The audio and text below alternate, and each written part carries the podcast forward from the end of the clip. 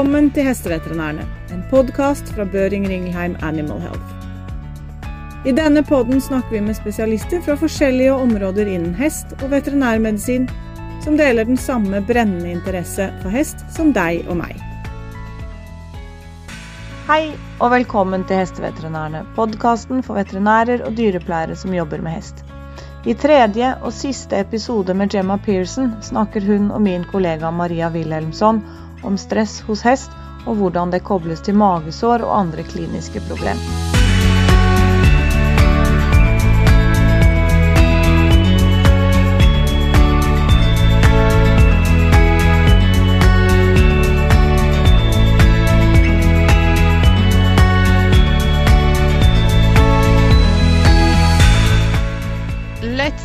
on to our next topic, which is uh, stress and egus. Um, because it's something I think that has been lifted recently a lot the connection between stress and uh, gastric ulcers in horses. And um, there's a lot of uh, talking about the connections and also uh, what to do to um, um to prevent egus by handling stress and so on.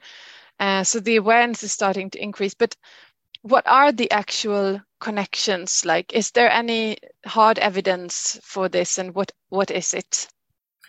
Yeah, so I think we've probably got harder evidence in other species than we do in horses. And it's probably worth looking at some of that literature. I think that can be really useful. Now, obviously, horses are a little bit different to a lot of species we deal with because the stomach is split into two sections. And um, what's actually quite useful is that rats are exactly the same. So rats also have a squamous and a glandular part to their stomach. I don't know whether they call it the margo plicatus in between or not. Um, but uh, uh, yeah, if you ever see a rat stomach, it's really quite cute. It's the tiny, tiny horse stomach. Mm. So a lot of the original stress physiology experiments were conducted in rats. And what they did was they measured gastric ulcer lesion size. Obviously, this is at post mortem. You don't get mini gastroscopes for rats. Um, they measured gastric lesion size as an indicator as to how stressful certain things were. Mm. And I mean, these were, let's be honest, these were horrible experiments, and thankfully, you would never get ethics to do these things nowadays. But at the same time, we learn an awful lot from them. So, there are basically four key components to a stress response. So the first one is predictability.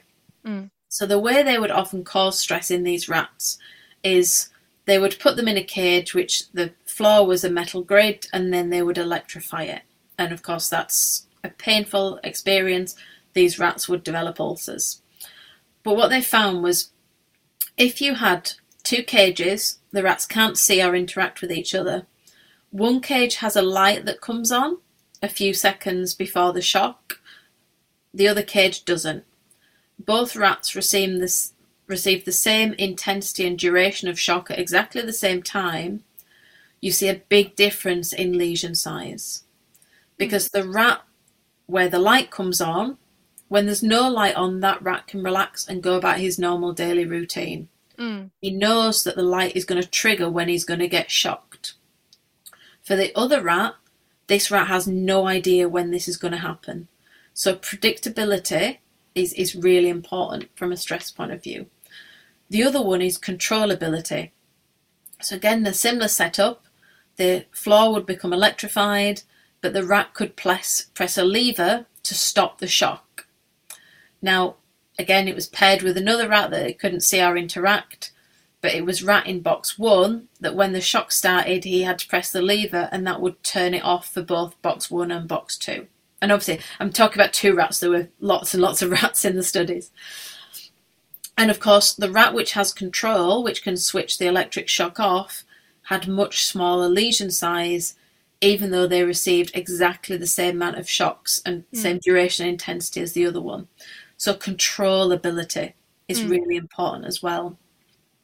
The third one is if you have an outlet for frustration. Mm. So for rats, this would be gnawing on a bar or running on a wheel. For horses, I would say this is turning them out in a field or giving them something they can interact and manipulate with. Um, that also reduces lesion size. And then the last one is social companionship, having some social support. So if you're going through this stressful experience with another rat, it causes less stress than if you're by yourselves. So, as I say, we have some really nice evidence that glandular gastric disease is kind of directly proportional to all of these different aspects of stress in rats. Um, they've also done some work in dogs as well. In horses, I think we, we don't have the same quality of evidence. I think we're starting to move in that direction but we're doing it from the other perspective. So we're looking at risk factors for EGUS. And of course, we know that having multiple different handlers is going to increase the horse's risk of developing EGUS. And that is a, a lack of predictability because different handlers will interact with horses slightly differently, they'll ask different things of them, but probably also controllability as well. So it's really important with horses that, you know, if we are leading them, we give them a cue to walk forwards. As soon as they walk forwards, we release that pressure on the lead rope so they can control that pressure. And we also know, you know, the things which we can use to induce stress, such as reduce friends, forage, and freedom, also correlate with an increase in gastric ulcers. Um, what I would say is the majority of cases that I see which have gastric ulcers. So I so I guess there's the, the management side, isn't there? So the race horses that are on restricted forage that are galloping and getting splash ulcers, that's a, a slightly different context. Um, but the ones that I see that are living out in a field with other horses and they're getting ulcers, I think right there's that what's driving gastric ulceration in these horses. These horses should not be a population that we're seeing ulcers in, and the majority of times then, I think pain is acting as the stressor, and I think we all forget that pain activates the standard stress response in exactly the same way that fear does. And unsurprisingly, the majority of cases I would see would have musculoskeletal pain, and that would be driving it. And this can often be a problem because people will say the horse doesn't like being girthed up anymore, the horse is irritated when it's being brushed, it swishes its tail, it goes to bite, they're not going forward, there's this poor performance aspect. And now people will immediately go and scope them for ulcers. And I think we should, because if they have ulcers, they're painful and we should treat them, definitely. But at the same time, I would then say, why does this horse have ulcers? Mm. Now, if it's a horse that lives in a stable 23 hours a day and then just goes and is ridden in an arena, I'd say there are management factors that we have to change. But if this horse, you know, if I can't see obvious management factors, then I would say I think we need to be looking for something else and usually pain. And a logical place to start is to trot the horse up to lunge it to do a ridden evaluation to see if there's musculoskeletal pain. Mm. So you think that this is something that we should look at when presented with a horse that has uh, symptoms of EGUS or the, the owner wants a scope that you should also keep this in mind that it could be pain related even though it's not obvious no lameness and so on and yeah definitely um, and i'll just tell you a little case history of a, so- a horse that i saw um, a little while ago now. And this was a horse that was very dangerous and difficult for the vets to deal with. So, as a, a several years ago, um, he'd been aggressive towards people. He'd there'd been problems with him. They said he might have ulcers, so they sedated him, scoped him, and he had some pretty nasty. I can't remember what grade they were, but significant ulceration of both the squamous and the glandular region. So he was treated with omeprazole and he turned into being a happier horse. He didn't stop biting completely, but it was 90% improvement. So everyone said, okay, it was the ulcers that were causing it. They stopped the treatment. A couple of months later, similar thing occurred. They then put him back on the treatment. He improved a bit, took him off it. Similar thing occurred. They then kept him on a maintenance dose of omeprazole and over a space of a couple of years, he wasn't as bad, but he was never great either. Um, he then came in to be rescoped because he was getting more aggressive. And he was incredibly dangerous for vets. So they had a kind of a protocol um, with the owner they could do, and it's actually a, a good friend and colleague of mine that scoped him and kind of said, well, he's actually not really got any. There's a couple, I think, of grade one ulcers. I'm I'm not convinced the ulcers are causing this aggression. I think there's something else which has been causing the ulcers all along. And we thought, is it a, a stress response from a behavioural point of view? So I saw him as a behaviourist.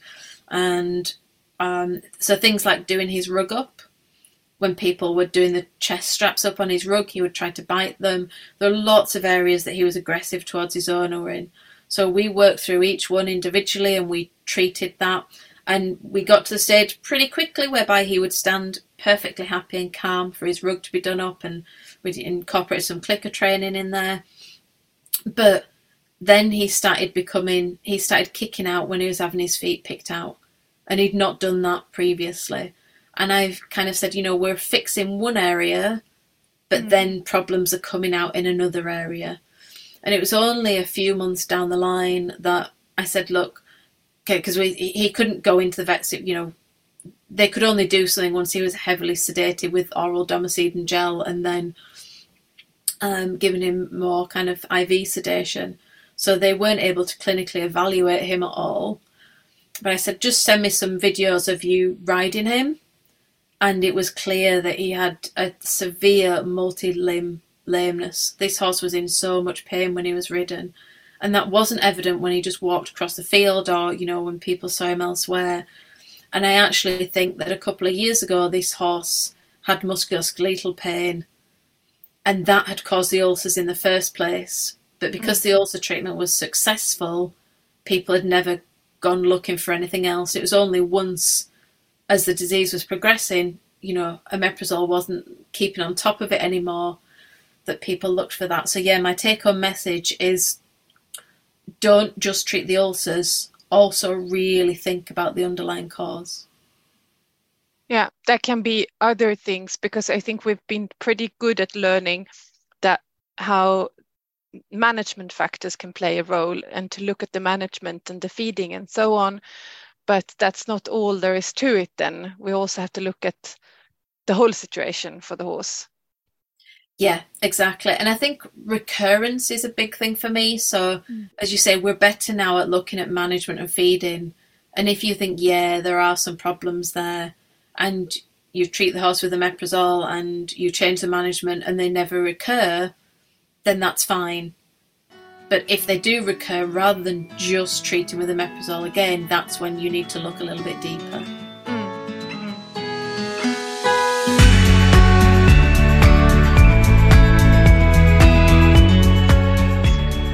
So, if you don't mind, I would like to go back to the rats because I think it's really um, interesting. They in this research with the rats, they actually used the the lesions or the severity of the ulcers to to determine how stressed the rat has been had been when alive, sort of. Uh, but how did they make that connection in the first place? Do you know like was it just assumed that this was a stress predictor because they knew that the more nasty they had been to the rats the the harder the lesions or or how was the connections made in the first place? That's an excellent question. I'm afraid i don't know the answer to that one. These these were experiments that were done many many decades ago. Um, and yeah that is an excellent question as to why why you would look at gastric, you know, why would you look at that in the first place? But I honestly don't know the answer to that one. Oh, okay. I, but I will look it up.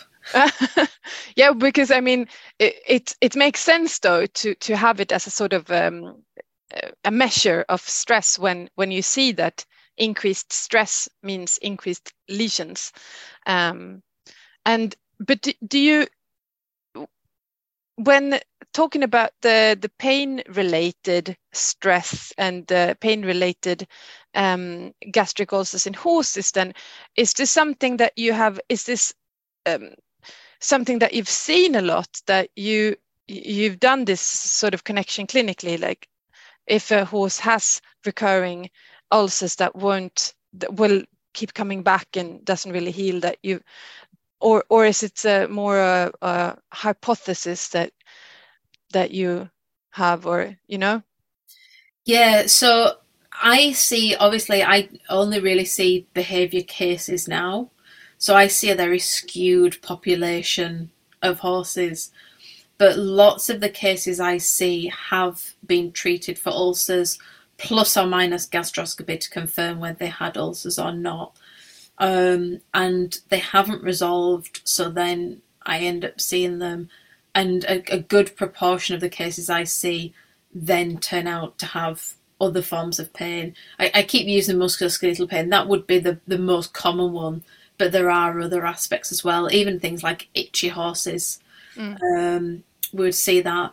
Then on the other side of it, I think if you look at people that practice internal medicine, speaking to some of those specialists, they will say that you know the horses that are getting ulcers that it recurs. Actually, it's lameness, and I think um, Celia Marr was. I hopefully I'm not misquoting her here, but I'm sure it was Celia Marr that had said that she had one pony which had bone spavin, and the reason they would know the bone spavin was flaring up was because the horse didn't enjoy having its saddle put on. It became grumpy when they were brushing it, and she would scope it and say, "Yep, the ulcers are starting to come back again," but also this was when the lameness was flaring up. Now they didn't, you know, riding it, they didn't notice any difference in performance. They didn't notice a lameness, but actually the vets were seeing that the lameness um, was increasing at the same time that it was. I said presenting with signs for ulcers. I wonder. I think some of these horses present with this general grumpiness and not mm. enjoying being tacked up, and I think that's not specific in any way, shape, or form to ulcers or gastric pain. I think it definitely can be any form of pain can cause that. Then uh, yeah that's that's very interesting because obviously pain is very stressful i mean if you are in pain uh, you will also have a higher degree of stress obviously um, and just something that you said uh, the itchy um, the itchy horses i'm thinking also about the the insect sensitive horses the the summer itch or um, such cases could then most likely also be prone to ulcers because of the stress it's causing. Yeah, absolutely. And that's why I think it's really important to control these cases. And it's an individual thing, isn't it? So some horses may have mild sweet itch or may have things and they just get on with their lives and it doesn't seem to bother them. Whereas others, it has a massive effect. And I'll tell you a quick story about another horse that I saw. Again, this is one that was a long way from where I am. It's the other side of the country, really. But I was down there, so I'd agreed to see it. And this was a mare that at this point in time was so aggressive that the owner, she had lived with a head collar on. The owner could clip the leader up onto the head collar and lead it to the field, let go, clip it back on to put it back from field to stable, but she could not attempt to touch the mare. And even leading her to and from the field, which was very close to her stable, she would have something to protect herself from this mare because the mare would sometimes attack her and try and bite her. So, uh, you know, where where do you start with a case like that? Um, and actually, uh, one thing I will do quite a lot is put a CCTV camera up overnight and see what horses are doing when there's no one around. And I'm amazed through doing this in the hospital lots of times. And this is something that Sue McDonnell in America kind of taught me the amount of horses that do things when they think no one's watching. And as soon as there's any person on the yard, even not near their stable, they stop. And I can't remember if this mare had had an analgesic trial or not before, which hadn't made any difference. Um, but we filmed her, and in the middle of the night, when there was no one there, she was itching her hind legs. She was itching them on anything that she could itch them on. So I thought, well, and I, I, couldn't examine them. You know, you you couldn't even touch her mane, let alone go near a hind leg. Um, so we said, well, there's a good chance it's going to be Chorioptes equi leg mites. We can, and I'd hoped with some clicker training, maybe I could. Um, we sometimes use the dog flea collars um, on the horse's hind legs. I thought, well, maybe we can. No, I, I couldn't get anywhere near her at that point in time. So we put her on steroids and straight away she became a little bit less aggressive, and then we could start to work with her, and then we could treat her. And we never, I'll be honest, we never got a, a diagnosis because we weren't going to start doing tape impression smears or anything on a horse that was that dangerous, but we were able to treat her.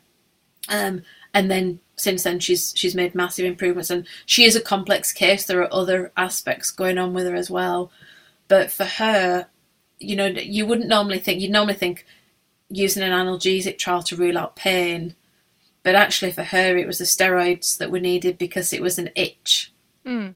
As opposed to pain mm.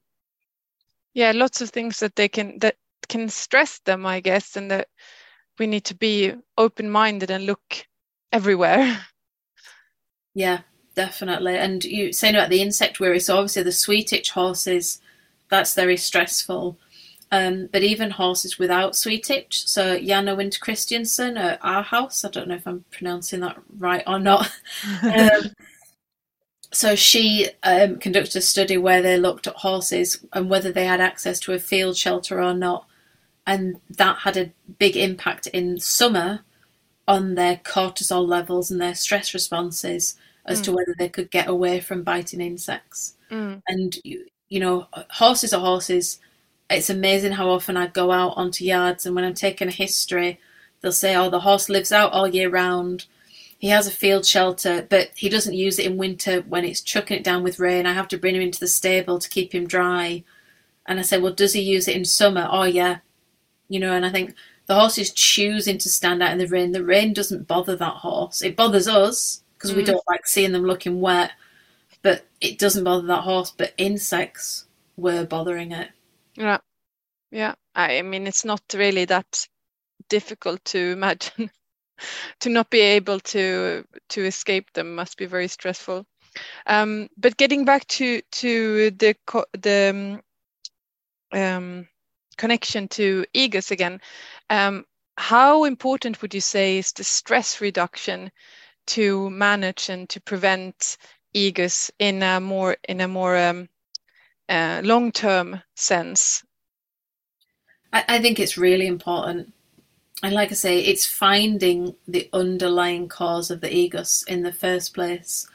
So looking at the management, looking at whether they have access to friends, forage and freedom, looking for any potential sources of pain, and also looking at their interactions with people because we want their interaction with people to be predictable and controllable, you know, so that the horse has a good relationship with people. And sometimes that's where we have to step in and help people if the relationship's fallen apart, um, get that relationship back on board again.